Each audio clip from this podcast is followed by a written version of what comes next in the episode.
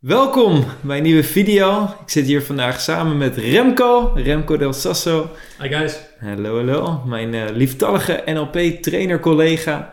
Die, uh, wel een leuk feitje. Hè? Ik ken Remco al vanaf uh, dat ik zelf mijn NLP Master Practitioner volgde. Dat was denk ik in 2014 of 2013. Weet je, rond die tijd. Uh, daar was Remco een van de coaches op dat moment, of de enige coach was die eigenlijk. Uh, en die heeft uh, toen die Master Practitioner op die manier prachtig begeleid. Dus toen heb ik al veel van Remco kunnen leren. Inmiddels geven we heel veel trainingen samen, heel veel NLP-opleidingen die we samen geven. Remco houdt zich heel veel bezig met onder andere de doorontwikkeling van NLP. hij heeft twee prachtige kinderen. En een prachtige vrouw, waar die uh, met z'n vieren mee, uh, mee samenwoont. Remco houdt heel erg van kitesurfen. Hij heeft ook heel veel trainingen gegeven binnen het bedrijfsleven. En hij is geobsedeerd door coaching en hoe kan ik mensen zo goed mogelijk uh, verder helpen in coaching. Ja, mooi. Klinkt dus, wel ernstig hoor, geobsedeerd door coaching. Geobsedeerd is wel een mooie, mooie term. Hè? Ja, precies. In ieder geval toch wel flink wat, wat afgecoacht de afgelopen jaren volgens mij. Zeker, ja. absoluut. ja. Dus ik denk, ben in 2013 ben ik begonnen. Dus mm -hmm. na mijn uh, practitioner zei ik, wat wil ik nou? En dat was, uh, ik wil bezig met NLP-trainer worden. Ja. En toen raakte ik in gesprek met die trainer. En die zei, uh, ja Remco, is alles leuk en aardig, maar hoe oud ben jij? Mm. En hoeveel weet jij van het leven? Mm. Dus ik zei, ja, ik heb best wel meegemaakt en mijn rugzakjes gevuld. Ja. En toen zei hij, nou weet je wat? Ga jij eerst maar eens laten zien dat je goed kan coachen. En dan gaan we het hebben over je trainerschap. Hmm. En uh, zodoende ben ik een mastercoachopleiding gaan doen. En toen is voor mij ook het balletje gaan rollen. Uh, en pas een paar jaar nadat ik al gecertificeerd coach was, ben ik uiteindelijk ook de trainersopleiding gaan doen. En tot op de dag van vandaag is het ook heel veel de vaardigheden die je leert in het coachen, hmm. die, zet, die zet je ook in als trainer. Ja. Dus uh, een collega van mij die zei het heel mooi van, kijk, trainen is eigenlijk coachen, maar dan niet één op één, maar één op veel. Mm -hmm. Absoluut, ja. Zo ja. voelt het voor mij ook. Ja, zeker weten. Ja, dat is een mooie, mooie brug inderdaad om daarmee te starten. Ja. En uh, wat, wat heeft jou nou gemotiveerd om daarmee te beginnen? Om überhaupt met NLP bijvoorbeeld aan de slag te gaan? Uh, misschien sommigen die mij kennen, die kennen het verhaal misschien anders niet, maar mijn leven was prima. Ik was uh, 25 en mijn leven was prima. En ik had een, mijn relatie was net uit, het was wel intens, het was een nasty break-up. Mm-hmm. En uh, ik had een prima huisje, ik had een prima baan, gewoon bij de AMB. Ik had het gewoon wel naar mijn zin. Ik had prima vrienden, ik had prima relaties, ik had een prima salaris. Ja. Het leven was gewoon wel prima, weet je. Beetje een zeventje, zeg maar. een beetje een zeventje, ja. ja. En dat is het moment dat ik dacht van, ja, wat wil ik nou eigenlijk? En toen ging mijn toenmalige ex ging het uit. En het uh, was een heel gedoe en uh, het was mijn huis. Maar zei, wilde mijn huis niet uit. En oh god, hoe gaan we dit doen? Hmm. En mijn ouders die hebben vroeger allebei NLP gedaan. En ehm, die zeiden tegen me, nou weet je wat jij moet doen? Misschien is het leuk om eens je te gaan kijken en te verdiepen in wat NLP is. Mm-hmm. En uh, toen had ik het boek van Tony Robbins uh, gelezen, Je Ongekende Vermogens. Ja. En dat las en echt mijn interne stem die ging helemaal aan uh, in het boek. En die werd helemaal wild van hoe hij dat beschreef. En dacht, fuck, dit mogelijk is. Ja. Wat was taalgebruik trouwens van je kijkers? Is dat ja, wat mij betreft een stuk Als mensen zich aangevallen sorry guys, voelen. Sorry guys. uh... dus, en ik dacht zo, dit is echt gaaf zoals het hierin staat. En ik dacht, dit is gewoon echt, uh, echt tof. Dus ik ben gaan, gaan googlen van NLP-opleiding. En uh, ik raakte in gesprek met mijn werkgever bij de AMB. En die zei van, nou, je moet hem zelf betalen. Maar je mag het wel onder de tijd van de baas doen. Hmm. Dus ik dacht, oké, okay, ik betaal het zelf. Maar onder de tijd van de baas, ik ga het gewoon doen. Ja. Wat heb ik te verliezen? Ja. Nou, toen de eerste zeven dagen van die opleiding was het al helemaal ondersteboven. En voor het eerst in mijn leven wist ik toen wat ik wilde. Wat ik echt mm. bewust wilde. Mm. Tof. En uh, ja. dat was gaaf. Ja, en op dat moment zei ik, ik wil NLP-trainer worden. Juist. Check. Ja, ja heel tof. En uh, je noemde ook, hè, je ouders waren eigenlijk ook al met, met NLP bezig. Ja. Is het dan zo dat je het eigenlijk al een beetje met de paplepel ingegoten hebt gekregen? Of, uh... ongetwijfeld, kijk, de appel valt niet ver van de boom. Ja. Dus mijn vader die geeft trainingen. Ja. Mijn moeder die heeft in het onderwijs gewerkt. Mm -hmm. Dus uh, iets van mensen iets meegeven of opleiden, coachen, trainen, dat heeft altijd wel ingezeten. En uh, mijn ouders die uh, komen allebei uit een jeugd waarbij ze veel dingen hebben meegemaakt. En mm. dat ze al op een vroege leeftijd zijn begonnen met werken aan zichzelf. Dus om ja. dingen een plekje te geven. Maar ook ja. om te kijken van ja, wat willen wij nou? hoe verhouden wij onszelf in onze relatie? Hoe gaan we om met kinderen? Dus mijn ouders hebben ook altijd een natuurlijke nieuwsgierigheid gehad. Mm. En die heb ik 100% zeker van hen ook overgenomen. Ja. Dus... Um, vanaf dat ik jong was, uh, de interesses en nieuwsgierigheid werd, werd gevoed als ik daarom vroeg. Mhm. En ehm, dus dat is altijd aanwezig geweest. Tof, ja, heel gaaf. Zijn er ook bepaalde lessen die zij echt uh, aan jou hebben willen meegeven of aan je hebben meegegeven? Nou, een belangrijke les, uh, een vriend van mijn ouders, die, mm ook een vrouw en een zoontje. En die hadden één regel voor hun zoontje en dat heeft vroeger maakte dat heel veel indruk op mij. Mhm. Want ze lieten hem eigenlijk ehm, bijna helemaal vrij. Ze hebben hem mm. doen en laten wat hij wilde. Er was alleen één regel. Ja. En die ene regel was, wat je ook doet, blijf zelf nadenken. Mhm. Blijf zelf nadenken. En dat was, werd voor mij zo'n mantra, dat heb ik lang ook bij me gehouden. Want dat vond ik heel indrukwekkend van, uh, je mag alles doen wat je wil, maar blijf zelf nadenken. En voor mij, nu ik daarover nadenk, is het een soort van uh, onvoorwaardelijk vertrouwen in de mens. Mhm. En als we maar bij onszelf nagaan en we voelen gewoon ons geweten, ons eer, onze waarde waar we voor staan, ja. dan geloof ik dat uiteindelijk wij mensen altijd het goede zullen doen. Ja, ja. Um, dus dat staat voor mij echt voor het goede van de mens. Mooi, ja, hele mooie overtuiging. En ik, ik sluit er helemaal bij aan. Ik geloof ook dat als we voldoende bewustzijn ontwikkelen voor onszelf, dat we uiteindelijk altijd het beste willen voor onszelf en voor de ander en voor de wereld. Ja. Uh, In de meeste contexten wel. Ja. dus, ja. Uh, ik ben, Ja. um, toen ik 19 was, ben ik gaan werken bij de politie in Den Haag Mhm. als agent op straat. Mhm. En naast mijn studie eh, HBO veiligheidskunde. En Ja. ehm, daar heb ik ook een hele andere kant van de mens leren kennen die ik eigenlijk nog niet goed kende. Ja.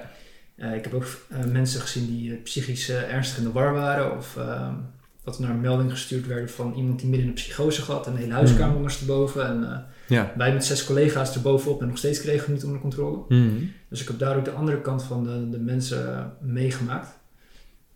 En nog steeds heb ik daardoor de overtuiging dat voor sommige mensen zal het niet of minder zijn, maar uiteindelijk, eh, elk mens die heeft iets goeds. En de vraag is alleen, Ja. wat is de mogelijkheid of de manier om dat aan te boren? Mhm. En dan komen we een beetje terug op het stukje van NLP, van eh, alle hulpbronnen zitten in ons.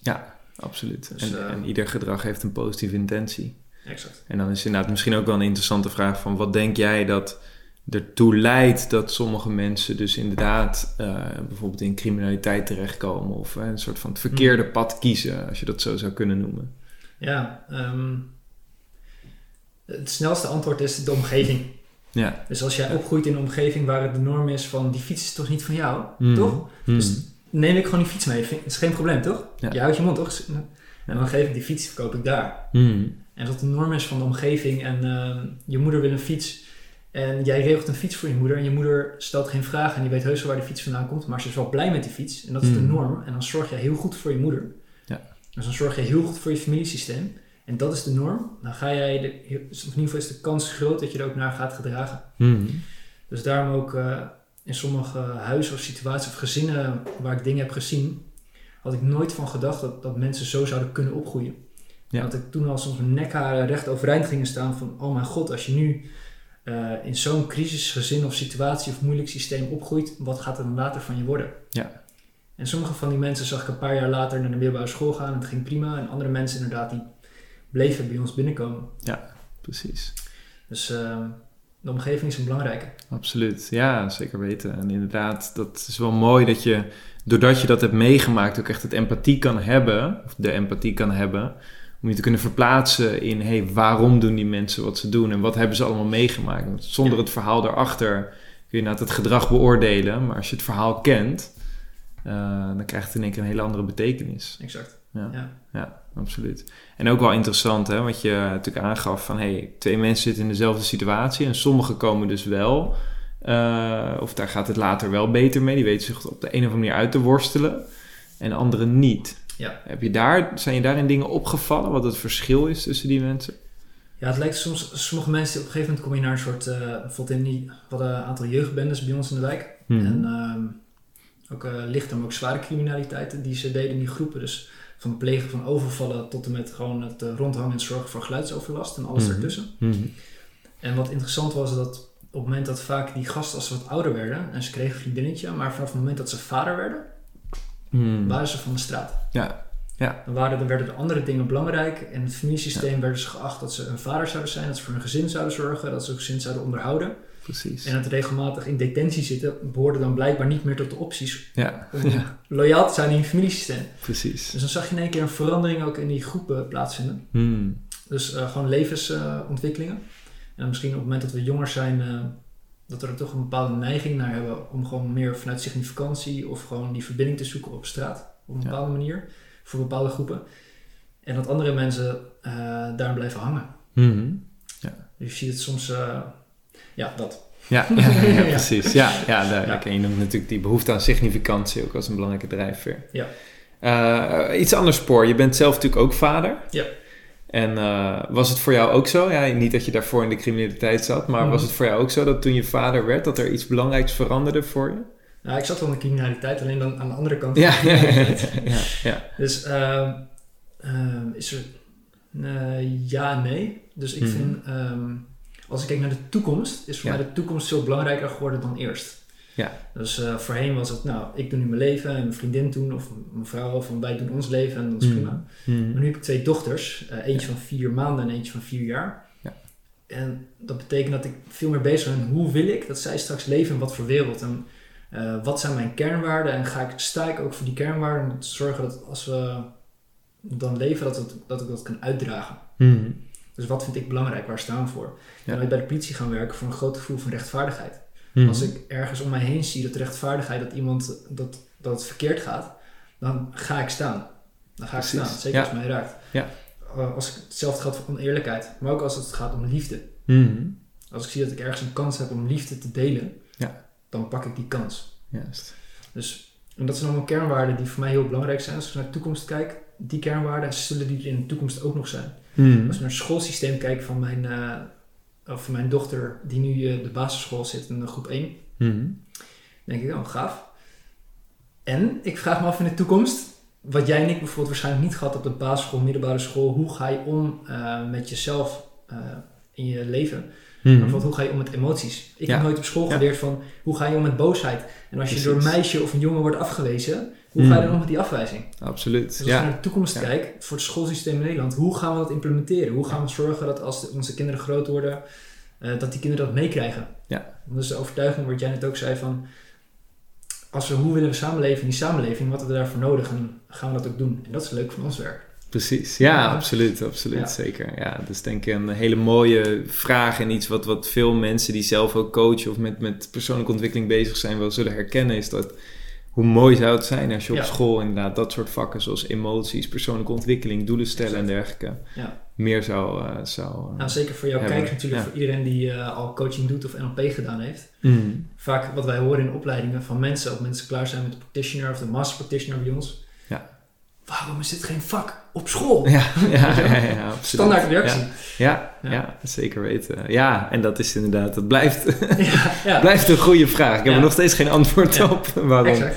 Maar wat ik wel zie is dat er heel veel mensen die bij ons opleidingen doen, uh, doen zelf ook iets in het onderwijs. Of tenminste, ik zeg heel veel, maar in elke groep zitten er wel vijf of tien man die zelf in het onderwijs werkt. En we, werken, merken wel dat mensen dat meenemen. Exact. En daarin zie ik ook wel gewoon. En, en er zijn natuurlijk nog meer mensen rimpels, die. Ja, precies. Ik merk wel dat die rimpels ook steeds meer uh, ontstaan. En er steeds ja. meer mensen zijn die dat soort dingen in het onderwijs meegeven. En dat dus ook, weet je. Ik was een tijd geleden, zo een jaar geleden of zo, maar kwam ik op een basisschool. En ik zag de zeven habits van uh, Stephen Covey, ja. zag ik daar hangen. Ik dacht, wat tof is dat. Hoe bijzonder dat je als kind op de basisschool al over Stephen ja. Covey zijn materiaal leert. Weet je, hoe, hoe gaaf is dat? Ja, dat, uh, lekker met een metafoor van scherp slijp te zagen. Uh -huh. Dus als je ja, ja, krijgt, ja, precies. Ja, dan gaat het sneller als je met een bottenzaag doet. Dat, dat sowieso, dat sowieso. Ja, zeker weten. Ja, super waardevol. Cool. Wanneer, wanneer wist je voor jezelf dat je er klaar voor was om vader te worden? Uh, ik denk dat ik dat altijd wel heb geweten. Uh -huh. En uh, toen ik met Marianne ging daten, toen uh, op de tweede date zei ik tegen Marianne dat ik wel vader wilde worden. Gewoon zonder okay. intenties. Het was in Scheveningen, was, een mooie dag. Ja, en, ja. Heel en ik zag, en zonder dat ik het realiseerde, en ik, ik kijk naar Marianne en ik zie echt bij Marianne zo... Zo'n blij gezicht van, deze man wil vader worden en ik vind hem wel een leuk match. Ja, ja. Dus, en Marianne gaf ook later aan, toen we gingen trouwen, van dat was voor haar een heel belangrijk moment van... Zij wilde heel graag moeder worden, was voor, mm -hmm. voor haar gewoon heel belangrijk, uh, ook in een toekomstige relatie. Ja. En zonder dat ik het besefte, legde ik al die stukjes precies op de juiste plek. Ja, En uh, ja, ik, ik, heb het altijd wel gevoeld of geweten of gedacht of dat ik ooit wel vader wilde worden. Tof. Ja. Ja, het is heel bijzonder. Het is natuurlijk niet gebruikelijk om op de tweede date al. Eh, nee, maar ook echt gewoon heel. de deur uit... in huis te komen vallen, zeg maar. Nee. Hallo, ik ben Remco en. Eh, ja. Ja. ik vind jou wel leuk en ik wil graag vader worden. ja, ja, precies. Ja, gaaf, prachtig dat dat gewoon een goede mix is geworden. Ja, zeker. Dat het verhaal ook aansloot. Ja, ja. tof. Mooi. Hey, over, over coaching. Want inderdaad, mhm. heel veel mensen die, eh, die kijken zijn ofwel zelf coach of willen coach worden of zijn in ieder geval met dat stuk bezig. Mhm. Ehm, zijn er bepaalde principes, bijvoorbeeld uit NLP of andere principes, waarvan je merkt dat ze eigenlijk in elke coachinggesprek voor jou wel terugkomen? Eh, ja, en eh, zeker toen ik begon als coach, wat ik het allermoeilijkst vond, en misschien dat de mensen dat ook mhm. gaan herkennen, is wat is nou de structuur van een coachingsgesprek? Want Elk gesprek is anders, de cliënt is anders, de, überhaupt de locatie is eh, vaak eh, anders. Ja. Eh, hoe doe je dat nou? Dus ik ben heel erg vanaf het begin op zoek gegaan van wat is nou een structuur die past bij mij? Wat, mm. wat vind ik fijn en wat is mijn stijl van coaching? Precies. En zeker toen ik verder bezig ging met de doorontwikkeling van HNLP of van NLP mm. en HNLP. Ja. Dat het dus heel gaaf is om te kijken van elk coachgesprek voor mij mm. heeft eigenlijk vier stappen. Mm. En in die vier stappen, daar doe ik mijn hele sessie in. Ja. En afhankelijk van wat voor soort cliënt ik heb, ben ik langer of korter bezig met die verschillende vier stappen. Mhm. En uiteindelijk die vier stappen komen constant terug. In alles wat ik doe in die coaching. Ja. En het werkt voor mij lekker. Ik zie dat het bij de cliënt effect heeft. En eh, het is gewoon supergoed meebaar. Tof. Dus eh, eh, die, die vier stappen die helpen enorm. Dat is echt wel gaaf. Dan is denk ik de enige logische vraag. Welke vier wat stappen zijn? de vier stappen? Ja. Ehm, het zijn de vier stappen die je ook in elke NLP-techniek, als je achter de schermen goed gaat kijken, die je terug ziet komen. Mhm. Maar het zijn ook de stappen die je bijvoorbeeld bij Newcode NLP terug ziet komen. De eerste stap is, ga met je cliënt associëren in een probleem. Mhm. Iemand komt bij jou en 70-80% eh, van de tijd voor de mensen die bij mij komen, is dat ik heb een probleem. Mhm. Niet ik wil iets beter of ik heb een talent, maar 80-70-80% die heeft een probleem die wil het opgelost hebben. Ja. Als coach wil ik weten van wat is hun probleem? Mhm. Waar zitten ze mee? Waar gaat het mis? Waar lopen ze tegenaan? Maar vooral, waarom gaan ze nu geld betalen aan mij om deze sessie te hebben? Wat willen ze dus veranderen? Precies. En in die eerste stap associeer in het probleem wil ik ook weten, eh, wat is de context? Waar gaan we het over hebben? Mhm. Dus als iemand zegt, ik heb angst voor spreken in het openbaar. Mhm. Oké, wanneer is dat? Mhm. Is dat bij kerst als je staat aan een, aan het diner met eh, de mensen om je heen? Ja. Is dat als jij eh, voor je werk een presentatie moet geven? Is dat eh, tijdens een sportclub als je een oefening mag doen?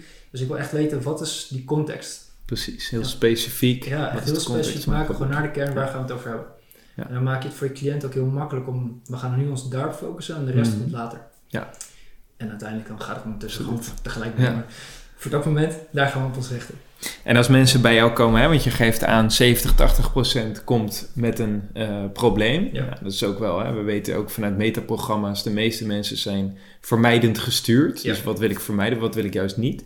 Als mensen met een, eh, met een naartoe doel komen, Mhm. van ik wil juist iets bereiken, Ja. ik wil, eh, wil iets creëren of bereiken. Hmm. eh, stuur je dan ook naar het probleem of stuur je dan in eerste instantie Ja. daarop aan? Ja, dat is leuk. Kijk, je kan overal een probleem van maken. Ja, Dus ja, ja, Waarom heb je dat doel nog niet behaald? Dan komt er vanzelf een Exact. probleem naar boven. Ja. Dus bijvoorbeeld een tijdje geleden kwam er een, een jongen en die, Mhm. die, is, die is profvoetballer en die, die wil graag beter worden. Maar Mhm. moet vooral mentaal sterker worden om te zorgen dat hij nog beter in die wedstrijden kan staan. Ja. Dus eh, ja, ik heb niet een probleem, maar ik wil gewoon nog beter op het moment dat ik in het veld sta, dat ik Ja. gewoon echt gewoon nog beter mijn ding kan doen. Ja. Oké, nou gaaf. En ehm, dan ga ik gewoon kijken van wat is het probleem als dat dan niet gebeurt of als je je niet ontwikkelt. Mhm. Wat gebeurt er dan? Ja. Dus dan achterhaal je alsnog die motivatie van bijvoorbeeld weg van. Ja, dan kom ik achter, voor dan word ik minder sterk ten opzichte van mijn eh, andere spelers in het veld. Of Mhm. als ik straks echt internationaal voetbal wil gaan spelen, dan eh, krijg ik dit dit te maken. En als ik dit nu niet ontwikkel, dan ga ik daar straks last van hebben. Mhm. Dus ga je gewoon ook even kijken van als je het nu niet verder ontwikkelt, wat zouden er problemen kunnen zijn in de toekomst? Ja. Oké, dan terug naar het hier en nu. Wat zou je er nu willen ontwikkelen? Precies. Check. Dus de eerste stap, associëren in het probleem. Een probleem Of mensen nou met een probleem naar je toe komen of met een doel. Uiteindelijk maak je er een probleem van. Hè? Of tenminste, je, Ja. je formuleert het als een probleem zodat je een Oh, helder obstakel hebt. Ja, ja, Ja. precies. Dat je een helder obstakel hebt dat je weet, oké, dit gaan we tackelen. Hier gaan we mee aan de slag. Wat is stap 2? Dat is het dissociëren van een probleem. Mhm. Dus van een afstandje gaan we kijken van, oké, en als je jezelf daar ziet, Mhm. wat gebeurt daar dan? Ja. En daarmee maak je dat zeker als mensen een uh, wat heftiger probleem hebben, waarbij veel emotie ook in zit, Mhm. dat ze zichzelf ook eventjes van een afstandje kunnen bekijken. Ja. En gewoon eens van afstandje opmerken van wat gebeurt daar? Mhm. Wat is daar nou aan de hand? Ja. En vanuit een soort tweede positie gewoon eens kijken van afstandje wat gebeurt daar? Ja. En dat levert dus informatie op, maar ook wat meer vrijheid om eens even Mhm. te kijken van wat is nou het probleem daarachter? Precies. Ja, Dat je mensen een beetje losweekt van het probleem en gewoon van afstandje naar hun probleem laat kijken. juist. En hoe doe je dat? Stel je specifieke vragen? Of, eh, Ja, dus ik gebruik letterlijk vaak eh, in taaltechnisch vanuit HNOP, dus de doorontwikkeling van NLP, dat je heel veel werkt met de posities van eh, je kijkt door je eigen ogen, mhm. je kijkt van een afstandje naar jezelf, of je kijkt bijvoorbeeld van een helikopterhoog van boven. Ja. En die laat je regelmatig terugkomen. Ja. En het leuke is op het moment dat je dat doet, dat mensen, kijk, als ze een probleem hebben, Mhm. zijn helemaal gefocust op, op dat probleem. Ja. Op, Ja. Bijvoorbeeld op kantoor waar wij nu die flip hangen met die rode stip. Mhm. En als mensen een probleem hebben, dan zien ze gewoon alleen die rode stip. Ze zijn helemaal Mm. gefocust op die ene rode stip. Ja. Dat is het probleem. ja, ja, ja. Maar als je gefocust op die rode stip, wat zie je dan niet? Mhm. En dat is al die ruimte daaromheen. Precies. Dus per definitie, alle mogelijkheden, alle oplossingen, alles wat nog meer is, is per definitie altijd meer aanwezig dan het probleem. En als je mensen aan de- eh, erop attendeert dat, oké, dit is je probleem, maar wat zie je dus niet, en dat zit daar dus allemaal omheen, dat altijd meer is, Ja. Dan komen mensen in een staat van, oké, er is dus meer mogelijk. En als Precies. dit dus kan, wat kan er dan nog meer? Absoluut. Ja, dat is zo bijzonder hè, aan het menselijk brein dat we dan toch ergens die automatische neiging hebben, waarschijnlijk vanuit de evolutie, hè, vanuit de overleving, om heel erg de aandacht dan te richten op wat er niet is of wat het probleem is. Ja, exact. In plaats van op al dat andere waar je ook je aandacht op kan richten. En dat is leuk Ja. bijvoorbeeld voor een van de trainingsbureaus waarvoor ik heb gewerkt. Mhm. ehm, toen ik werd opgeleid als trainer, bepaalde methodes. En een van die dingen was, dat ging over om mensen in je groep te laten ervaren dat wij altijd focussen op de afwijking. Mhm. Dus dan is het heel grappig als je bijvoorbeeld een groep deelnemers hebt en dan ergens in het bedrijfsleven. Eh, en vaak gaat het dan over training, over sales of over leidinggeven. En dat je dan gewoon aan de groep vraagt van, eh, ik heb, vind het echt gewoon supergoed dat jullie hier vandaag aanwezig zijn. En dat jullie allemaal met de pen in je hand zitten klaar om te gaan schrijven. Maar op dit moment verwijt ik jullie een ernstig gebrek aan zelfkennis. Mhm. Stilte. Ja. Oké, wat hebben jullie onthouden? Ja, ja, ja. Ja, ja, gebrek aan zelfkennis. Ja. Zo, hebben jullie ook het eerste deel gehoord? Welk eerste deel? Vergeten. Ja, Vergeten. precies. Ja. Dus dat zijn wel wat triggerwoorden die erin Ja, die zin uiteraard. zitten Het is ook een natuurlijk. beetje gemeen, hè? Het is, eh, Het is even extra de, Ja. ja, Push hem erin. pijn induwen. Ja. Ja, ja, Lekker spelen met taal. Ja. Eh, vind ik ook leuk. Ja. Maar dus precies. op die manier dat wij altijd focussen op de afwijking. Dus we zijn altijd Hmm. gefocust op die rode stip. En Ja. pas op het moment dat we die oogkleppen afzetten en we gaan groot kijken, wat is er nog meer? Precies. En dat ja. geeft mogelijkheid. Dus stap 1, associeer in het probleem. Ja. Stap 2, dissocieer van het probleem. Ja. Dus kijk er vanaf een afstand naar of op een andere manier naar het probleem. Ja. Stap 3. Stap drie, een associeer een oplossing. Mhm. Dus wat zou je willen? Mhm. Hoe is dat? Ja. En als iemand zegt van ik wil eh, meer zelfvertrouwen. Mhm. Oké, hoe is het om zelfvertrouwen te hebben? Ja. En binnen NLP kennen we er eigenlijk twee eh, manieren voor die we heel vaak doen. Zeker ook in coaching. Dat is Mhm. Ga naar een moment terug waarbij je heel veel zelfvertrouwen hebt ervaren. Zie wat je ziet, hoor wat je hoort, voel wat je voelt. Ja, ja, En eh, precies. zeker in de doorontwikkeling van NLP gaat het eigenlijk, die herinneringen die we daar hebben, die kunnen heel nuttig zijn, maar het hoeft Mhm. niet. Ja. Dus het leuke is dat je ook kan spelen met, eh, oké, cool, zelfvertrouwen. Zit je lekker trouwens? Kopje Mhm. thee erbij? Alles Mhm. goed? Mooi weer vandaag, hè? Gaat lekker. Kijk, dan zie je je hoofd ook knikken en dan hebben wij goed verbinding. En dan zeg ik, zelfvertrouwen. Hoe is het voor jou om zelfvertrouwen te hebben? Dus wat er bijvoorbeeld nu anders kan zijn in coaching, dat je niet zozeer werkt met een herinnering uit het verleden. Je stuurt iemand soms zijn hoofd in om een plaatje wat er was mooier te maken. Ja. Sommige mensen zullen zoiets hebben, hè? want het is inderdaad misschien dat sommigen zich afvragen van waarom dan? Ja. Sommige, bij 99% van de mensen die kunnen dat vinden, maar er is altijd wel 1% die zegt, Ja. ja maar zelf, ik kan me niet echt een moment herinneren of ik vind het lastig. Hoe ga je daar dan mee om als mensen dat inderdaad niet kunnen vinden of dat lastig vinden? Nou, Exact. Waarom niet gewoon in het hier en nu? Hoe is het om zelfvertrouwen te voelen? Exact. Ja, en het ding is ook dat eh, op het moment dat je mensen vraagt van hoe is het, je dus eigenlijk het eerste wat je doet, je zorgt voor een goede staat van zijn. Hmm. Dus als jij binnenkomt en je zit in je schouders gebogen en het hele leven is kut en alles is slecht en niks gaat en je energie is laag. Ja. En ik vraag, hoe is het om jou een zelfvertrouwen te hebben? Hmm. Dan denk je ook, gast, serieus, kijk eens naar me. Weet je? Precies, gaat ja, mis. ja, ja, Dus absoluut. als coach heb je ook goed te zorgen ten alle tijden voor de staat van zijn van je coachie. Hmm. Dus als je coachie er huilend bij zit, als een coachie laag in zijn energie zit, dat zijn geen goede momenten om te starten met hulpbronnen. Ja. Dat moet je niet willen. Ja. Dan gaat je echt veel energie kosten. Ja. Dus voordat jij bijvoorbeeld ook met hulpbronnen gaat werken of associëren in een oplossing, Mhm. zorg dat je de staat van zijn verandert van je cliënt. Nou, wij kennen het met door het doen van breakstates, kort en lang. Ja. En daar wil je constant mee bezig zijn als coach. En op het moment dat je merkt, hé, hey, ik heb hier een goede staat van zijn te pakken en mijn cliënt zit er enthousiast aandachtig bij, dat is het moment dat je het wil afvuren. Mhm. En dan kan je bijvoorbeeld vragen als die staat van zijn goed is, hoe is het voor jou om zelfvertrouwen te hebben? En dan zie je, ja, dat is eh, lekker. Dan gaat iemand rechtop zitten, ademhalen. Ja, dat is goed. Oké, zoals je nu zit, ja, ja. Nou, soms kan je vragen, ga staan. Hoe sta jij als je zelfvertrouwen hebt? Mhm. En het ding is dat je werkt veel meer in het hier en nu. Ja. En ehm, doordat je dat doet, heel veel mensen, en dat heb jij onge- ongetwijfeld ook er- ervaren, dat heel veel mensen waarmee we werken, die zijn eh, heel erg in hun hoofd. Mhm. Ja.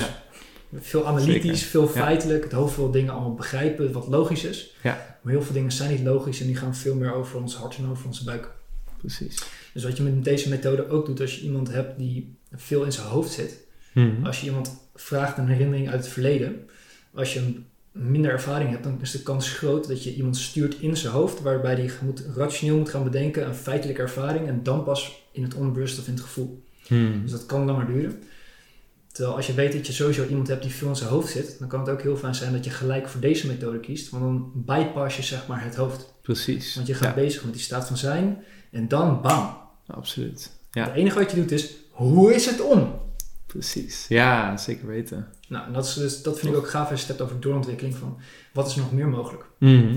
En ehm, steeds meer mensen die weten natuurlijk ook de traditionele manier. Mhm. Dus eh, ons brein is ons steeds sneller stapjes voor. Dus het is ook heel Hmm. leuk om gewoon eens te spelen, ook in coaching in taal. Misschien dat we het daar nog straks over gaan hebben, weet ik niet. Maar in taal, dat je zoveel kan doen Mhm. als het gaat om het succesvol toepassen van eh, Ja. coaching. Precies.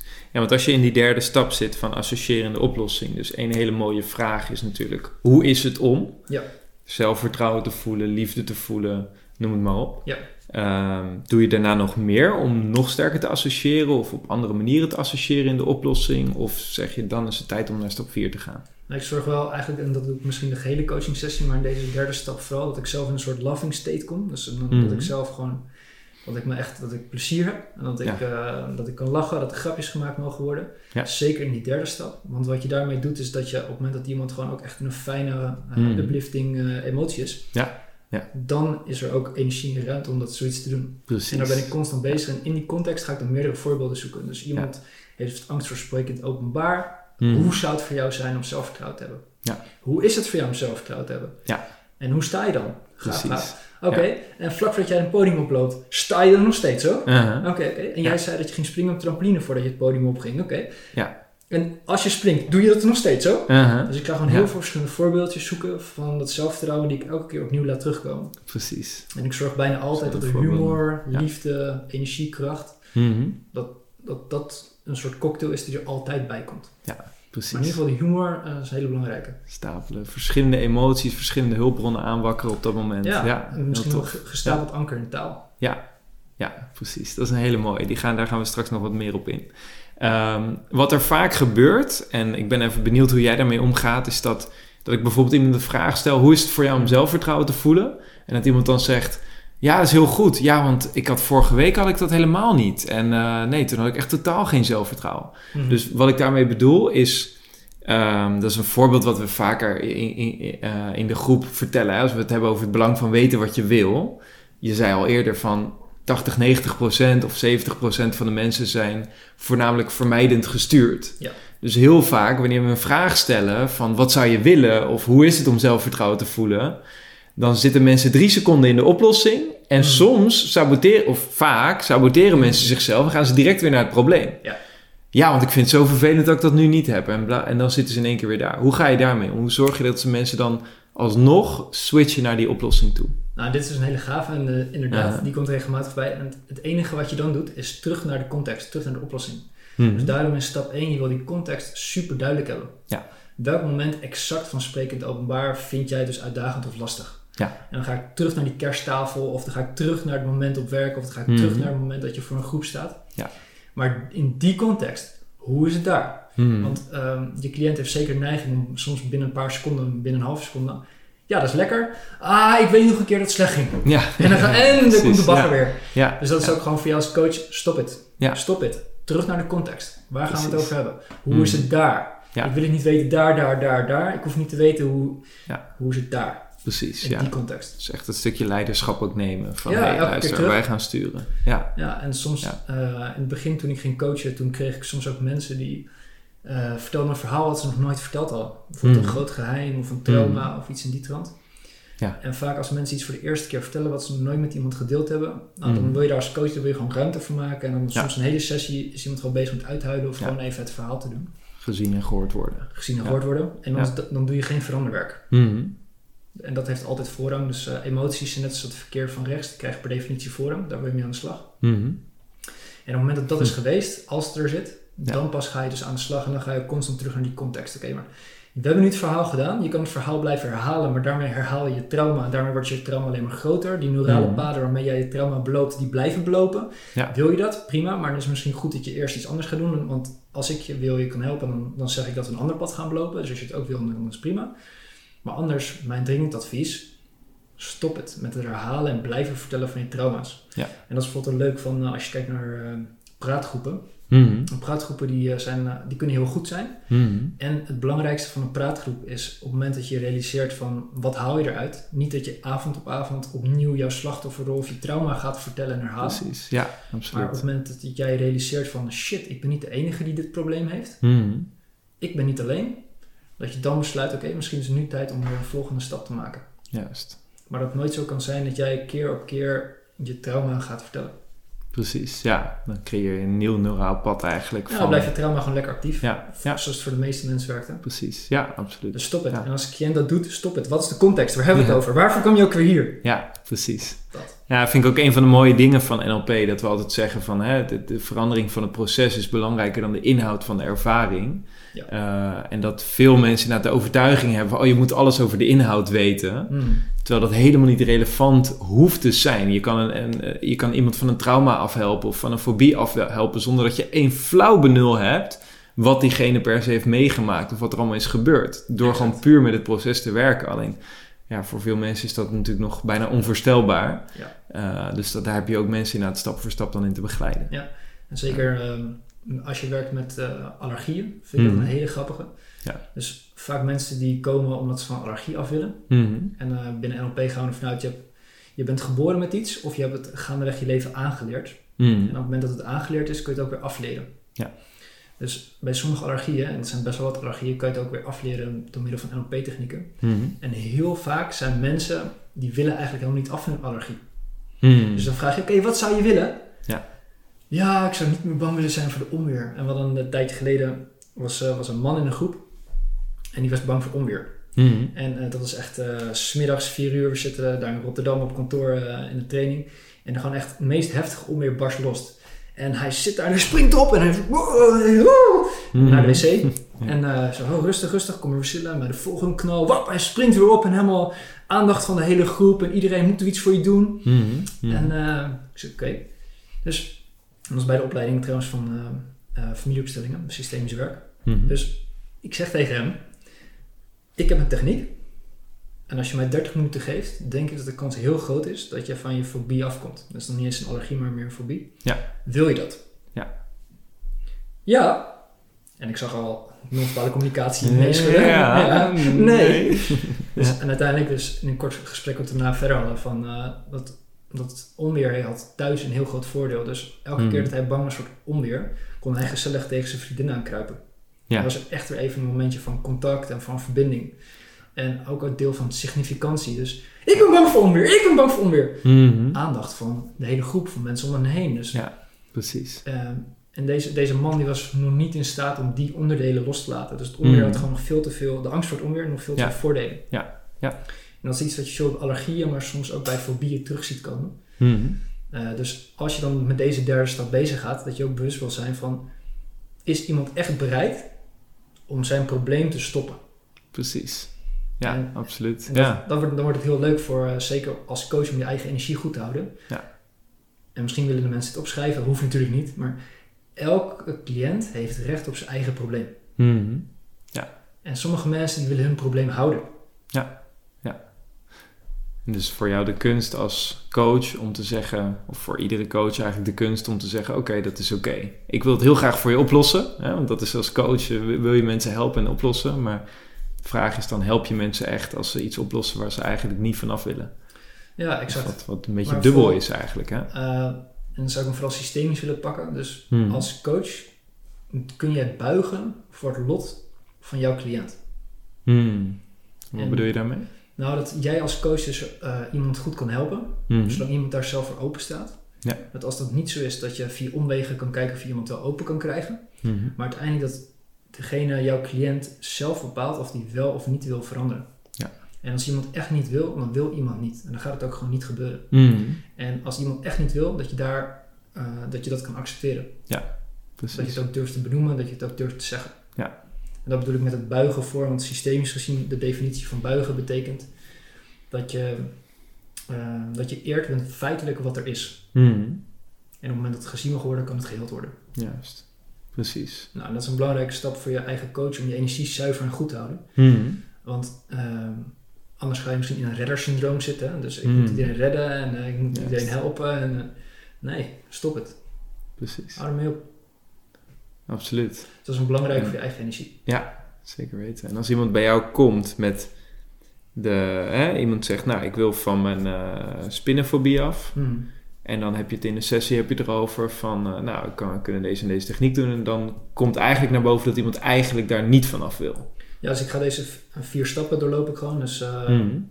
als je een Ja, probleem... de, Hoe is dat? we hebben de Nou, ik zat in de auto gehad. met Ja. mijn vriendin en eh, ik zag een spin. Nou echt, ik reed bijna gewoon door de vangrail. Hmm. Oké, en heb je nog meer problemen ermee? Nou, thuis, s s'nachts en ik heb helemaal gillend door het huis. Oké, oké.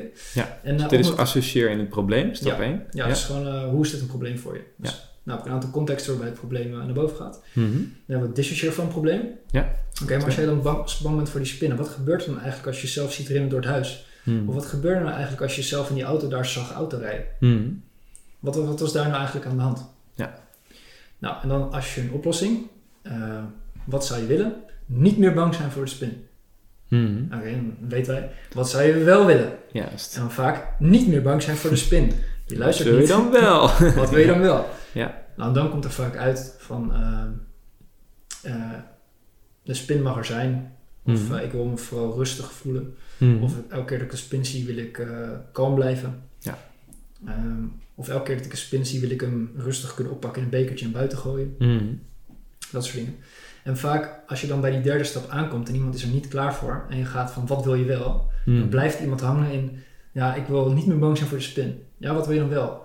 En die blijft maar daar dat soort taal herhalen. Dus ik wil niet meer bang zijn voor de spin. Ik wil niet meer rennen in het huis. Ik wil niet doodgaan als ik in de auto zit. Mhm. In plaats van, wat wil je wel? En als Ja. iemand gewoon echt niet in die oplossing kan komen, ondanks dat jij goed bezig bent met die staat van zijn aanpassen, dat hij in Ja. een goede staat van zijn komt. Ja. En iemand zit in een goede staat van zijn en dan vraag je, wat zou je wel willen? Hm. En iemand zegt, ja, ik wil niet doodgaan in de auto. Het is eigenlijk wel heel, heel fascinerend wat ik nu bedenk nu je dit zegt. Want we zeggen vanuit NLP altijd het centraal zenuwstelsel kan geen ontkenning vasthouden. Hmm. Nou, daar kunnen we het ook nog over hebben. Het klopt niet helemaal, maar voor nu laten we het eventjes aannemen. Ehm, en als je dus vraagt, wat wil je dan wel? En iemand zegt, ik wil niet meer zo bang zijn in die auto. Wat iemand eigenlijk zegt, is, ik wil bang zijn in die auto. Dus wat voor voordelen zitten Dus- er voor die persoon in om bang te zijn in de auto? Ja, ja. Wat voor voordelen heeft voor die persoon om midden in de nacht keihard te gaan Precies. schreeuwen door het huis omdat er een spin is? Ja, want blijkbaar is iemand niet in staat om mentaal de switch te maken naar wat wil ik dan wel. En daar echt een beeld van op te roepen en dat te beschrijven. Maar blijft eigenlijk daarop gefocust. Dus ja. Wat is dan inderdaad die positieve intentie daarachter? Het is eigenlijk fascinerend dat dat toch in taal dan indirect naar boven komt. Ja. Op die manier. En het woordje niet niet, laten we daar gelijk ook over hebben, want ik weet dat heel veel coaches daar ook zich bewust van zijn. Mhm. Centraal, stelling, s- centraal zenuwstelsel onthoudt geen ontkenning vast. Mhm. Dus daarmee bedoelen we vaak niet, horen we niet. Ja. Ja. Dus, maar eh, in ons brein hoe het werkt, het is eigenlijk zo, we horen niet wel. Mhm. Alleen, hij komt later binnen in onze hersenen.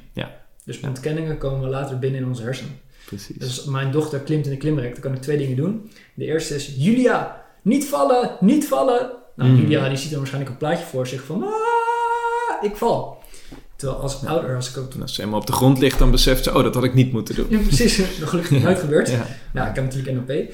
Maar waar het om gaat is dat je op zo'n moment zegt dat Julia niet toren klimt. En dat ik zeg, hou je goed vast. Hou je goed vast. Dan ziet zij waarschijnlijk een plaatje voor zich dat ze zich goed vasthoudt. Precies. Dus het is krachtiger om het op die manier te doen. Mhm. En ik kan ook zeggen, je moet niet vallen, niet vallen. Maar dan ziet ze waarschijnlijk eerst een korte plaatje voor zich dat ze valt. En dan realiseert ze zich, oh nee, wacht, ik moet hem wel vasthouden. Ja. ja. Maar welke plaatjes, welke gemoedstand wil jij oproepen bij iemand? Precies. dan is het leuk om te spelen met niet niet. Ja. Want jij weet niet dat ik wel weet, dat jij niet weet dat je straks misschien iets wel gaat doen, terwijl je dat niet in gedachten had. En op die manier raak je dus de taal en de mogelijkheid kwijt. Maar juist in die verwarring, terwijl je blijft knikken, merk je ook op dat in die verwarring mogelijkheden ontstaan. Hmm. Nou, dat is gewoon even grappig om te spelen met taal. Precies, ja. Want zonder dat je hoofd het kan begrijpen, verwarringsmethode, gebeurt er dan van alles bij je cliënt. Ja, ja exact. En die snapt het bewust niet. Ja.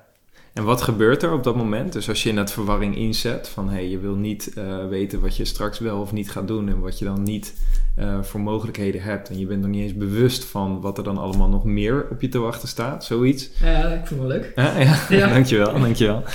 Um, wat gebeurt er op dat moment bij de ander? Nou, als je met taaltovenarij bezig gaat, dan ben je dus bewust bezig met het voeren van het onderbewuste. Waarbij je het bewuste overvoert, mm. zodat het onderbewuste maximaal tot zijn recht komt.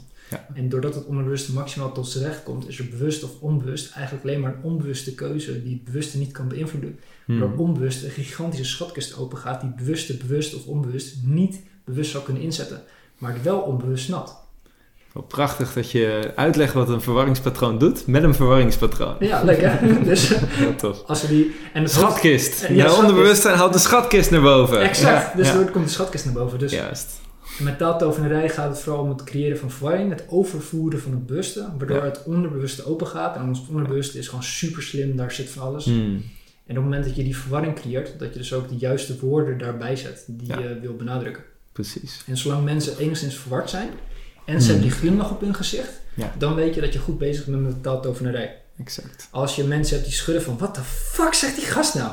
Mm. Dan heb je iets laten liggen in je rapport. Ja. Dus je moet altijd zorgen als je dit gaat doen, mm. dat je goed de mensen kan kalibreren waarbij je het doet, maar dat je ook weet dat je in het onderwerp zit waar het over gaat. Ja. Dus als je bijvoorbeeld dit fragment van een paar minuten geleden uit zou knippen in 30 seconden en dat willekeurig op YouTube zou zetten, mm. en willekeurige mensen zien, dan denken ze echt, dit is echt onlogisch, waar gaat, het over? Ja. Terwijl op het moment in de juiste context, op het juiste moment, Mm. dan is het goud. En daar wil je het inzetten. Tof. Bewust. Ja, mooi. mooi. Hey, we hebben drie stappen gehad. Associeer in het probleem, dissocieer van het probleem, associeer in de oplossing. En dan is uh, ja, de vierde stap, dat is de collapse. En met Mm. de collapse bedoelen we het, het tegen elkaar in laten vallen van Mhm. een belemmerende patroon, maar Ja. ook je doel. Dus wat wil je Mhm. wel? Ja. En dat je die eigenlijk tegelijk afvuurt Mhm. in je hersens, zodat onze hersens tegelijk denken aan het probleem en tegelijk denken aan de oplossing. Waarbij we die oplossing in de eerste drie stappen al zo uh, sterk hebben gemaakt. Ja. Dat op het moment dat we het in die vierde stap gaan afvuren, zowel het probleem als de oplossing, dat ze tegen elkaar invallen. En dat ons hersens juist die laatste stap, dus de oplossing die we het sterkst hebben gemaakt, dat is dan de stap die blijft hangen. Juist. Dus iemand heeft uh, angst voor sprekend openbaar. We zijn bezig geweest met het versterken van zelfvertrouwen en wat liefde of humor bij gedaan. Mhm. En iemand zit volledig in het zelfvertrouwen, in humor en liefde. Die ziet zichzelf staan, die voelt het zelfvertrouwen, die heeft er zin in. Die voelt zijn stem al, die weet wat hij straks gaat zeggen op het podium. Die ziet die mensen lachen en geïnspireerd raken door wat hij of zij zegt. En op dat moment, als je dat voelt en je weet dat je daar zo staat, hoe is het dan op het moment dat je voor het podium staat en je denkt aan die context voorbij nog wel je probleem deed vorige week? En dat iemand dan zegt, Mhm. ja, weet ik niet, maar ik voel me nou echt vol zelfvertrouwen en ik heb er echt zin in. Wat En tof. dat is de Ja. collapse die je wil. En Ja. dat blijf je herhalen. Als ik het zo hoor, het klinkt als een combinatie tussen een collapsing anchor en een future pace. Waarbij je eigenlijk Ja. al voorbij je probleem bent. En vanuit de situatie in de toekomst terugkijkt op dat probleem. En denkt, hé, hey, achteraf gezien. Ja, Hoe, hoe is het om er nu aan te denken als je er al voorbij bent? exact. Ja. En dat kan je dus ook niet alleen, want dit is een tijdlijn georiënteerde techniek, die je Mm. nu zo heel mooi schetst. In Mm. combinatie met de NLP-technieken. Dus Ja. hoe gaaf is dit, hè? Ja. En dan de volgende opties zijn bijvoorbeeld in de toekomst. Dus bijvoorbeeld, uh, Mm. we hadden onlangs iemand in de groep en die had een uh, event waar die ging spreken, een TEDx-event. Mhm. Mhm. En dan is dus heel leuk om bijvoorbeeld met tijdgeoriënteerde technieken bezig te zijn. Want diegene die heeft over een maand Mhm. een hele belangrijke presentatie die hij gaat doen. Ja. Dus op het moment dat jij vol zelfvertrouwen zit, je weet wat je de mensen gaat vertellen, je hebt je goed voorbereid, het stroomt, je zit goed in je energie, je staat vlak voordat je het podium over een maand opgaat en nu is het moment dat je op het podium opgaat. Hoe is dat daar? Mhm. Terwijl aan het begin mhm. van de coaching was deze persoon misschien van ja, ik sta te knikken op mijn knieën, ik weet niet wat ik moet zeggen, ik stamel, ik kom niet aan mijn woorden, moeilijk, moeilijk. Precies. dus over een maand heb jij dat en hoe is het nu? Ja, je stamelt, je staat te knikken op je knieën, je, je voelt de angst dat je uitbreken. Ja. Mhm. Nou, we gaan aan de slag met die staat van zijn, je echt het zelfvertrouwen boosten. En dan, hoe is het nu als je denkt aan dat event over een maand? Ja, super gaaf, daar heb ik echt veel zin in. Waar is pen en papier? Ik ga aan de slag. Juist. Nou, dan weet je, dat is de collapse die je wil. Ja. En dan Absoluut. gaandeweg de coaching ga je nog een keer checken. Mhm. Dus uh, we gaan nog even verder op, in op het onderwerp. Jo, over een maand trouwens heb jij dat event, toch? Waar je naartoe gaat, waar je als spreker op het podium staat. Uh, hoe is dat trouwens? Mm. Naast iemand, ja, dat is, uh, ja, dat is wel leuk. Ja, wel een beetje zenuwachtig hoor. Wel een beetje mm. zenuwachtig. Check, ja. Nou, dan gaan we weer opnieuw aan de slag met die staat van zijn. Die maken we goed, die maken we sterk. En dan in één keer bam, over een maand. Hoe is het daar? Dus die collapse die kun je En dan nog een keer door die vier stappen heen?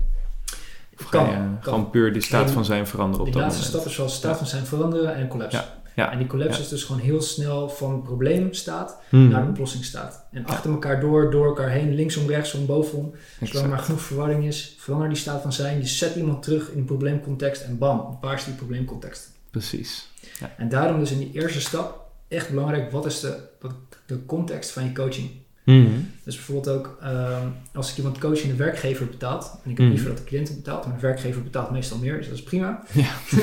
maar ehm, dat ik met die werkgever en die cliënt ook heel duidelijk die context bepaal. Dat als ik bijvoorbeeld een paar sessies heb gehad, mhm. afhankelijk van wat het budget is, ja. dat we ook kunnen bespreken met, nou, dit gedeelte kwam iemand, dus bijvoorbeeld in het werk werd iemand aangevallen op de maandagochtendmeeting als het ging om de maandcijfers. Mhm.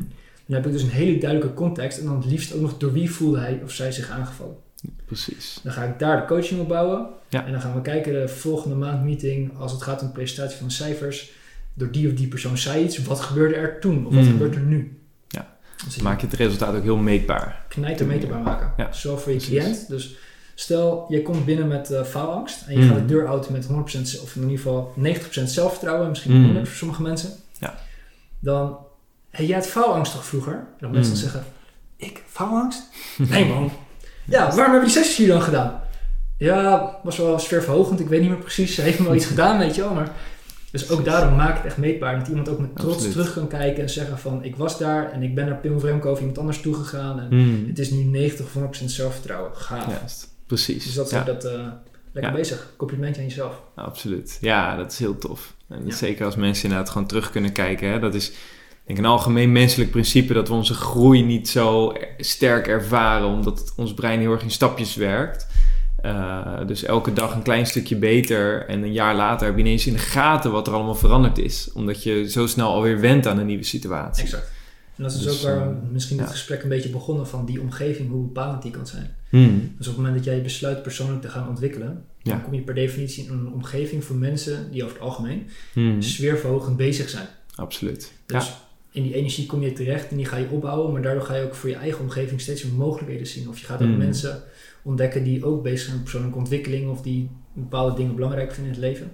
Precies. En dat is lekker om mee bezig te zijn. Absoluut. En dat is ook het gave van ons vak. Dus vaak, uh, ik, heb, ik heb twee soorten groepen. Dat zijn de NLP-groepen die we samen draaien en ook met mm -hmm. uh, en we, ik heb de groepen van de bedrijfstrainingen. Mm. Dat zijn twee hele verschillende groepen vaak. Ja. ja. Die NLP-groepen zijn gemotiveerde mensen, betalen vaak zelf voor de opleiding bedrijfstraining is vaak een werkgever die, die een traject betaalt of zegt dat moet getraind worden. Mhm. Dus die groepen zijn per definitie heel anders. In onze groepen kunnen we vaak ook dieper gaan of we kunnen sneller naar de kern. En in een bedrijfstraining heb ik vaak wat terughoudender te zijn.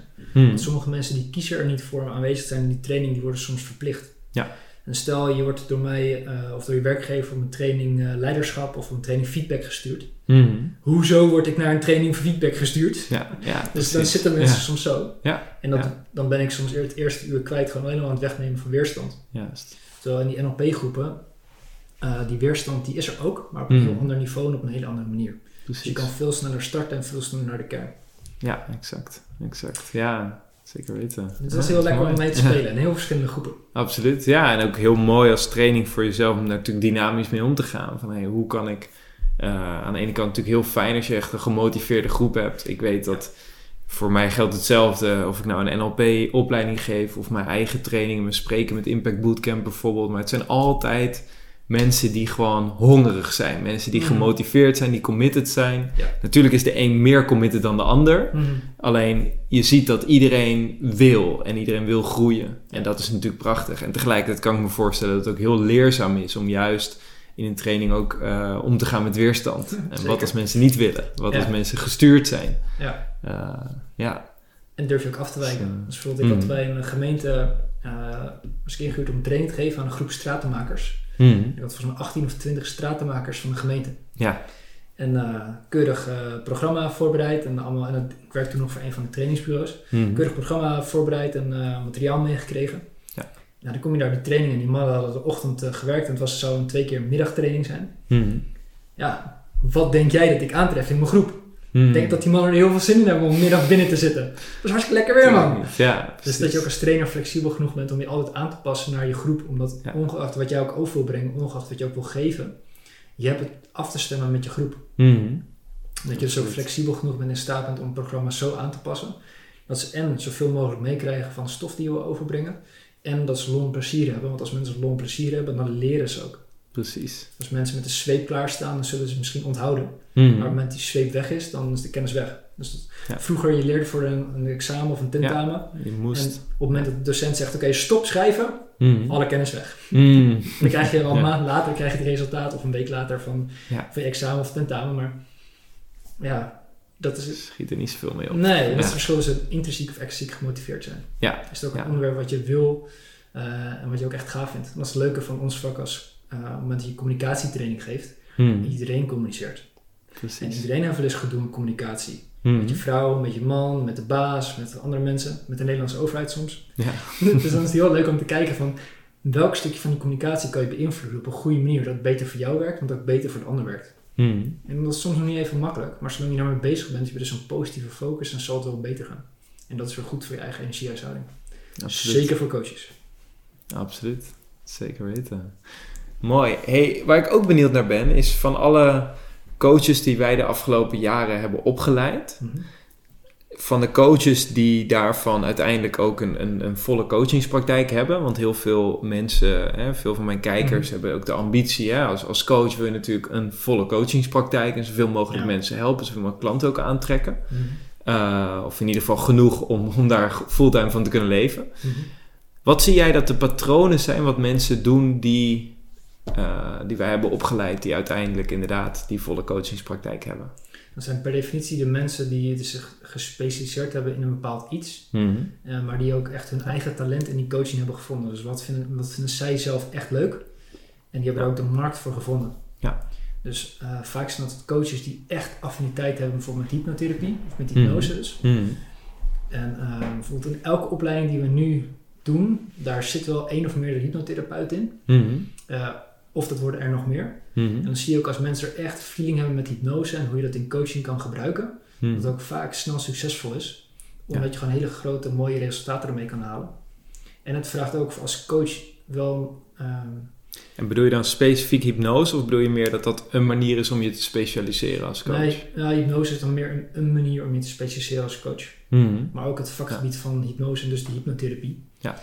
En dat als je kiest voor bijvoorbeeld zo'n vakgebied, dat je wel realiseert dat je wel heel veel sessies constant bezig bent met zware trauma's of trauma's. Mhm. eh, om die met eh, regressie bijvoorbeeld weer minder eh, intens te maken.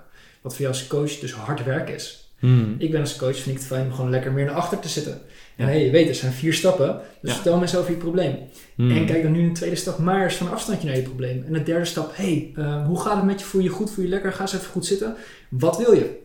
En in die vierde stap, hey, eh, nog even over je probleem. Dat probleem toch? En hoe is dat nu? Als je Mhm. denkt aan dit en dit en dit. En vol zelfvertrouwen Precies. erin stapt. Wat is er nu anders? Ja. En dan is voor mij als coach vaak veel lekkerder. Ik kan veel meer kalibreren, ik kan veel meer naar achter zitten. En bijvoorbeeld, ehm, waarom ik hypnose en hypnotherapie dus heel erg interessant vind en heel gaaf vind. Mhm. Ehm, maar dat ik dat niet alleen maar zou doen. Mhm. Dus daarom de coaches die succesvol zijn, die hebben iets gevonden wat echt bij hun past. Die er plezier in hebben, die er goed in zijn en die er ook vol voor gaan. Precies. En het kan Absoluut. bijvoorbeeld in hypnose en hypnotherapie zijn. Maar het kan ook bijvoorbeeld zijn eh, mensen die een bepaald specialisme hebben met kinderen. Mhm. Als, of als het gaat om taal.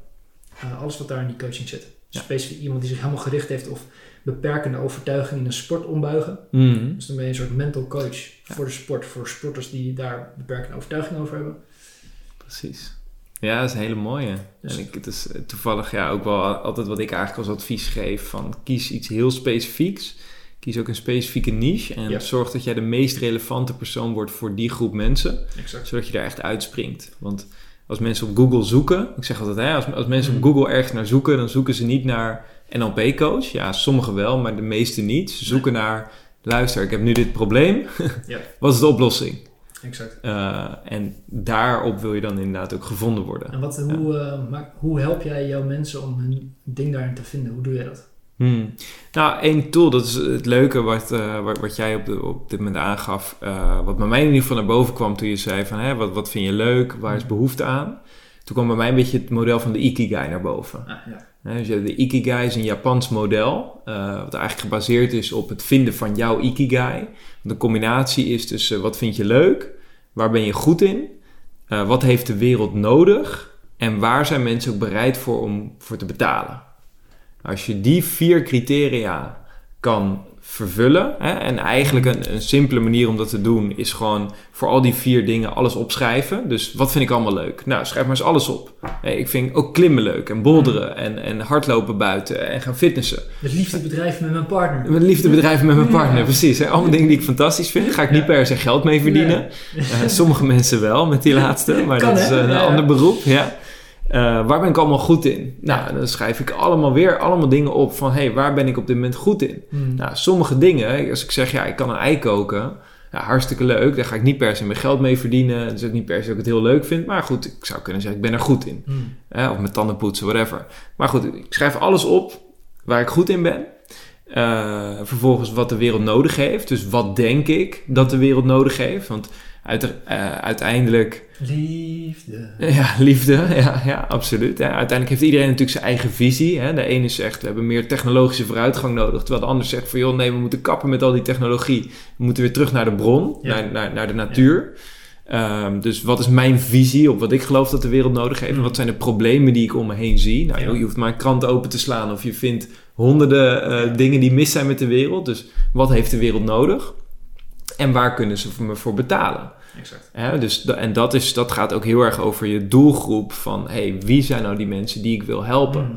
Eh, bijvoorbeeld, eh, veel coaches die ik spreek, ehm, die hebben dan bijvoorbeeld de ambitie om eh, arme mensen te helpen. Hè? Of, of mensen die het gewoon minder goed hebben. Mm. En dan is het wel belangrijk van, hé, hey, dat vind ik een prachtige ambitie en dat is heel mooi. En ik zou ook zeker stimuleren om daarmee aan de slag te gaan. En besef wel, ik hoorde ooit een investeerder een tijdje geleden zeggen, die zei een bedrijf met een doelgroep zonder geld, of een, voor een bedrijf een doelgroep zonder geld is geen doelgroep. Ja. Die zei voor een stichting wel. Dus als je zegt, ik wil heel graag arme mensen helpen, dat was eigenlijk zijn advies, Hmm. start dan een stichting Ja. en geen bedrijf. Exact. En doe het dan als vrijwilliger. Uh, maar als je dus inderdaad die vierde criteria ook ermee wil verdienen, Ja. zorg ervoor dat je ook uh, een doelgroep kiest van mensen die gewoon geld hebben. Ik wou dat ik Ja. Ikigai in 2013 had geweten. Dan had ik ook Ja, misschien nog een specifiekere keuze gemaakt. Want toen ik begon was dat twee dingen. Ik dacht, één, ik ga me richten op talentontwikkeling. Want de Mhm. mensen die ik toen in coaching had, waren veel mensen die waren bezig met hun talenten. Mhm. Dus super grappig en ook heel erg eh, energiegevend om daarmee bezig te zijn. Dus Ja. hoe vind je jouw talent? Hoe, hoe, wat ga je ermee doen? Hoe kan je het inzetten in je business? Mhm. En het andere was eh, traumaverwerking. Dus PTSS Mhm. vond ik fascinerend. Van, hè, hoe Ja. werkt het dan? Hoe zit een trauma zich vast en hoe maak je het weer los? Ja. En eh, die mensen die talenten wilden verkennen, die hadden geld. En de mensen die een trauma hadden, hadden vaak een werkgever die ervoor wilde betalen. En dus ik dacht, nou, het is een mooi, dan heb ik twee uitersten. Mensen hele positieve, fijne energie. En mensen die een trauma, die komen meestal van verder. Maar op het moment dat ze weer ehm, wat lichter zijn, hebben die ook weer die hele fijne energie. Ja. Dus toen ik begon met coachen, waren dat mijn twee specialisaties. Eh, en dat werkte goed. Dus, en tot op de dag van vandaag hou ik me nog steeds daar ook mee bezig. Mhm. En het is nu veel meer, wat is er nog meer? Precies, ja. Eh, Ja. En dan nu, de laatste anderhalf jaar, staat heel veel trainen. En doe Mm. ik eigenlijk nog maar één dag in de week coaching ongeveer. Ja. En dat is ook gewoon prima. Daar hoef ik ook geen acquisitie voor te doen. Dus de mensen die je ziet vanuit de bedrijfstraining of dat andere training die wij doen. Dat mensen zich dus zeggen van, hé, hey, ik wil nog een verdieping, ik wil nog een Mm. volgende slag maken. Of ik heb nog iemand die eh, gun ik jou en die ga ik naar je toesturen en diegene wil ook. En dat dat ook helemaal prima is. Precies, ja. Dus, ja, dat, in dat opzicht zitten wij een beetje in een luxe positie. Dat je als trainer gewoon ja. zoveel mensen hebt die naar je toe komen omdat ze gecoacht willen worden. Dat je eigenlijk. Ik heb zelf inderdaad, ik doe heel veel acquisitie voor mijn trainingen, maar totaal niet voor coaching. Omdat ja, als je eenmaal tien cliënten hebt, dan zit je gewoon vol. Ja.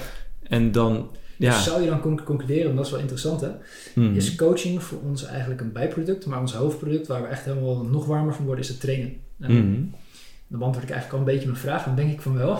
Ja. Want voor mij is het coachen is één op één en dat is heel gaaf en ook voor je eigen groei en ontwikkeling. Mm. En elke coaching sessie is weer anders. Ja. En het trainen, als je echt mensen iets wil meegeven, dan als je een groep hebt van 20 of vaak wij nu een groep van 66, een groep van 75, een groep van 120. Ja dan heb je, geef je veel meer mensen, mm. uh, deel je die informatie en die energie. Precies. En dat is uh, vaak, vind ik, als het gaat om mijn bijdrage die we hebben, is dat nog.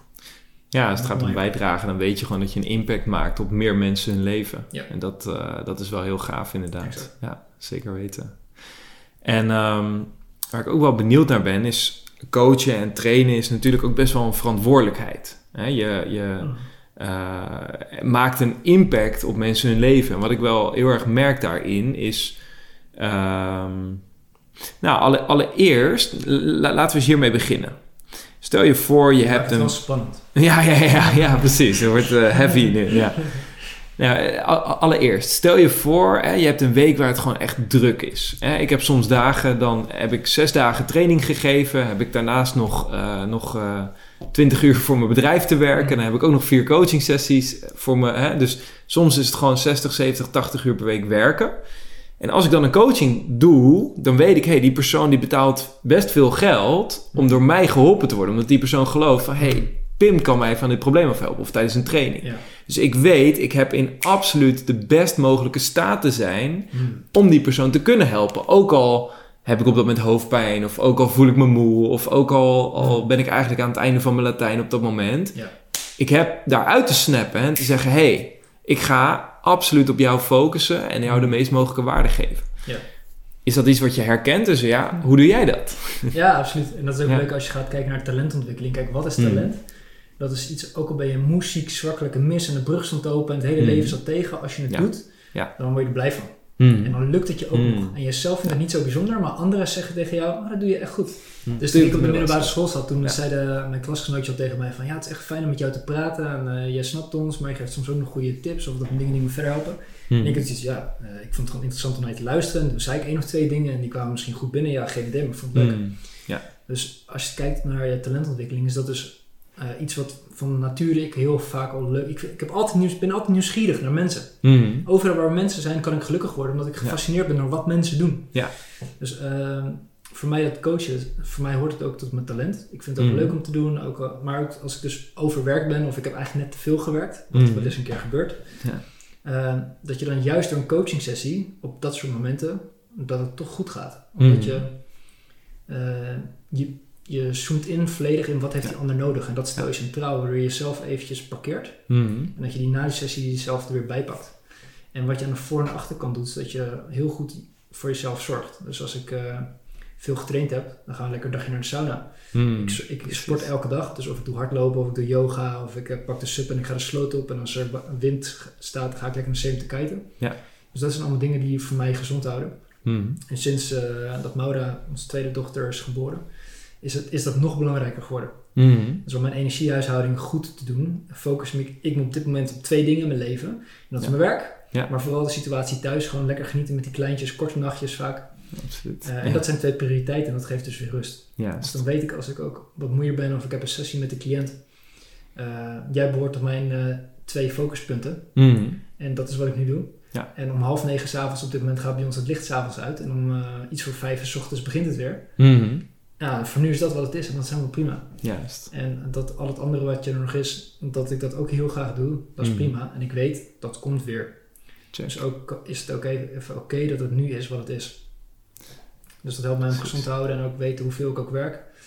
Um, dus kan je zeggen, een stukje acceptatie acceptatie. Ook gewoon het in de flow gaan van zo'n coaching sessie. Dus ook wel iets wat ik heel erg herken van vaak is het van tevoren van ah oh man, ik ben zo moe, ik kan echt niet meer. En dan is het van oké, we gaan, gaan, gaan. En dan als je eenmaal vijf minuten bezig bent, dan.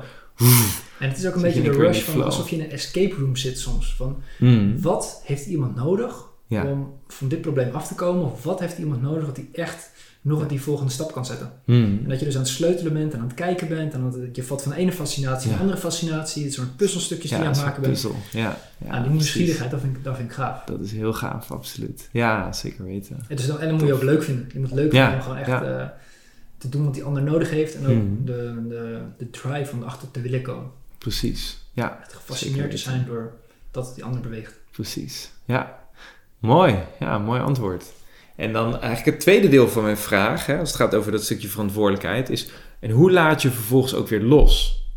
Want ik kan me voorstellen, misschien dat je dat wel eens herkent. Dat heb ik in ieder geval heel veel gehad de afgelopen jaren. Dat, dat je een coaching sessie hebt gehad en iemand heeft best wel inderdaad een... Hè, ik heb ooit eens een keer gelezen dat eh, therapeuten het eerst overlijden van alle mensen. Omdat eh, ja, je hoort zoveel, als, als je nagaat wat wij allemaal gehoord hebben als we voor de groep staan. Mensen met trauma's, mensen die seksueel misbruikt zijn, mensen die oorlogen hebben meegemaakt. Gewoon, je hoort de meest bizarre verhalen elke dag. Ja. Gewoon constant. Ja.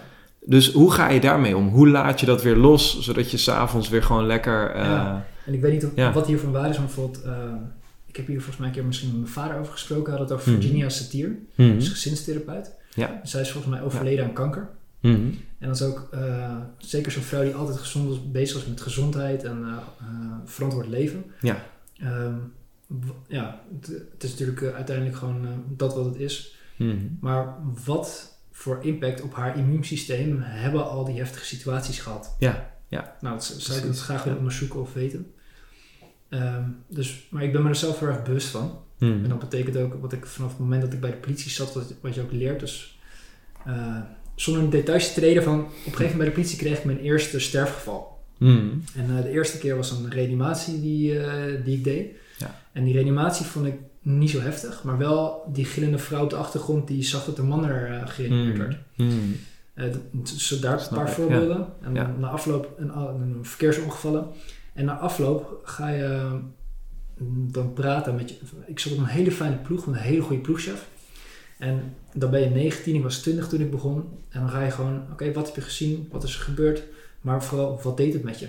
Mm. En uh, ook toen ik 19 was, uh, overleden ook drie vrienden van mij bij een ongeluk in de bergen. Dus dat, mm -hmm. precies in diezelfde fase dat ik al veel heftige dingen, dat kwam er ook bij. En bij mij mijn ploeg, dat was echt, uh, er, er, mocht over gepraat worden. Ja. En zelfs een half jaar dat het allemaal gebeurd was, zei de ploegchef van, hey, hoe is het nu uh, met jou? En uh, een jaar later, hoe, hey, nog even daar, hoe is het daarmee? Mm. Dus er was heel veel aandacht voor en er mocht ja. gewoon over gesproken worden. Ja. Dus ik denk het ventileren en het feit dat het er mag zijn, dat het gezien mag worden en dat er over gepraat mag hebben, dat is het belangrijkste. En uh, energetisch wat ik doe, dat ik letterlijk uh, van me afschud. Ja. Dus als ik klaar ben en echt heftige shit gehoord van oké, okay, ik schud het van me af, alle, alle energie die niet van mij is, letterlijk. Ja. Uh, en dat laat ik bij hem of bij haar. Juist. Dat is van hem of van haar, niet van mij. Precies. Dus, um, en dan zie ik, stel ik mezelf letterlijk voor dat ik mezelf gewoon daarin voor al die negatieve energie bescherm. Uh, maar wel me openstel voor de liefde en verbinding met die persoon. Voor al het goede wat er is. Heel mooi. Ja. Uh, en dat je dus altijd dat ook ziet. Prachtige combinatie. Ja. Zeker weten. Mooi.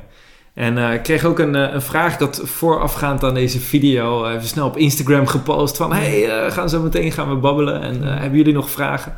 Ik kreeg een vraag van Cynthia. Zij zei, heb je nou altijd zo'n NLP-bril op? Of kun je die NLP-bril ook af en toe eens afzetten? Goeie vraag, Cynthia. Heel scherp, ja. Uh, nou, in het begin, toen ik net begon met mijn coachopleiding, ja. toen was het ook leuk. Toen kwam ik thuis en uh, nou, Marianne die vertelde over iets wat haar bezig hield. Ja. En uh, ging ze zitten. Mm -hmm. En wat vind je daar nu zelf van? Mm. ja. dus, en dus ik begon Marianne te coachen. En Marianne die, was, die zegt daar heel scherp in. Die zegt, ja. Ja. Stop ermee. Jij bent mijn man, niet je coach. Ja, ja, ja. ja. Dus mijn vrouw kan ook goed temperamentvol zijn. Ik hou van haar. Ja. En uh, dus die zet mij gelijk ja. aan de plek van jij bent mijn liefdespartner, je bent niet mijn coach. En als ik een coach wil, dan zoek ik wel een coach. Mm. Uh, dus dat was gelijk de eerste keer en de laatste keer dat ik thuis uh, iemand heb gecoacht. Ja. maar dus, dus dat, dat, leer je heel snel en die, die NLP-bedoel die gaat echt wel af. Mm. Dus naarmate, net als, als mensen beginnende practitioners leren de oogpatronen, we kijken naar boven, ja. we zien vaak plaatjes, we kijken naar beneden, zitten in een gevoel, we praten met onszelf. Mm.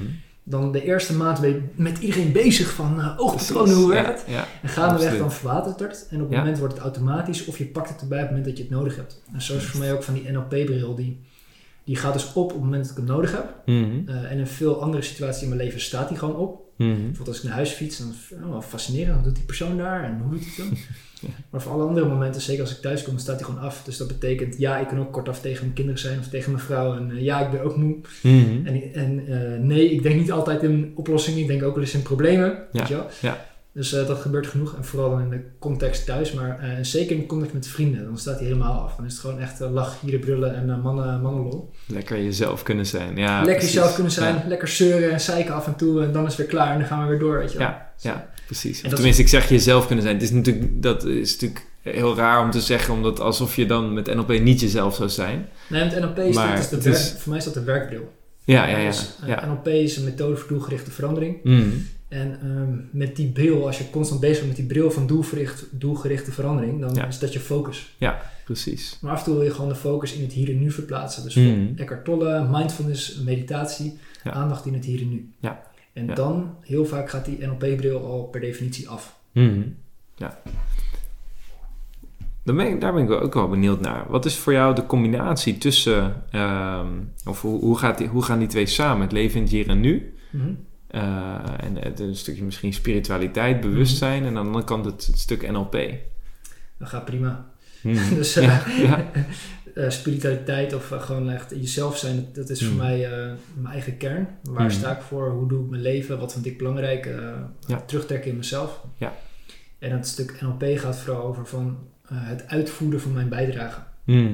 Dus wat, wat wil ik delen als ik kijk naar het leven? Wat vind ik belangrijk? Ja. En daarin ook een stuk groei van mezelf. Mhm. Want eh, een coaching sessie of een dag training geven is nooit hetzelfde. Elke persoon, elke groep, elke dag is weer anders. Precies. Dus het houdt Ja. je scherp, het houdt je wakker, het maakt dat je... eh, wij kunnen niet, niet leren, wij leren Mhm. altijd in ons vak. We hebben nooit, ik heb nog nooit 100%, eigenlijk een saaie dag meegemaakt, dat gaat niet. Ja, ja, ja. En als je denkt dat je een saaie dag hebt, gaat het mis. Dus je zorgt al dat het een interessante dag wordt. Absoluut. Ja, Dus dat je scherp blijft. zeker. Zeker. Ja. Dus, eh, dus voor mij gaat het prima samen. ja, Dat is gewoon het, e- het een heb je nodig voor het ander en allebei andersom. precies. Ja, Ja. zeker. Mooi. Klinkt goed.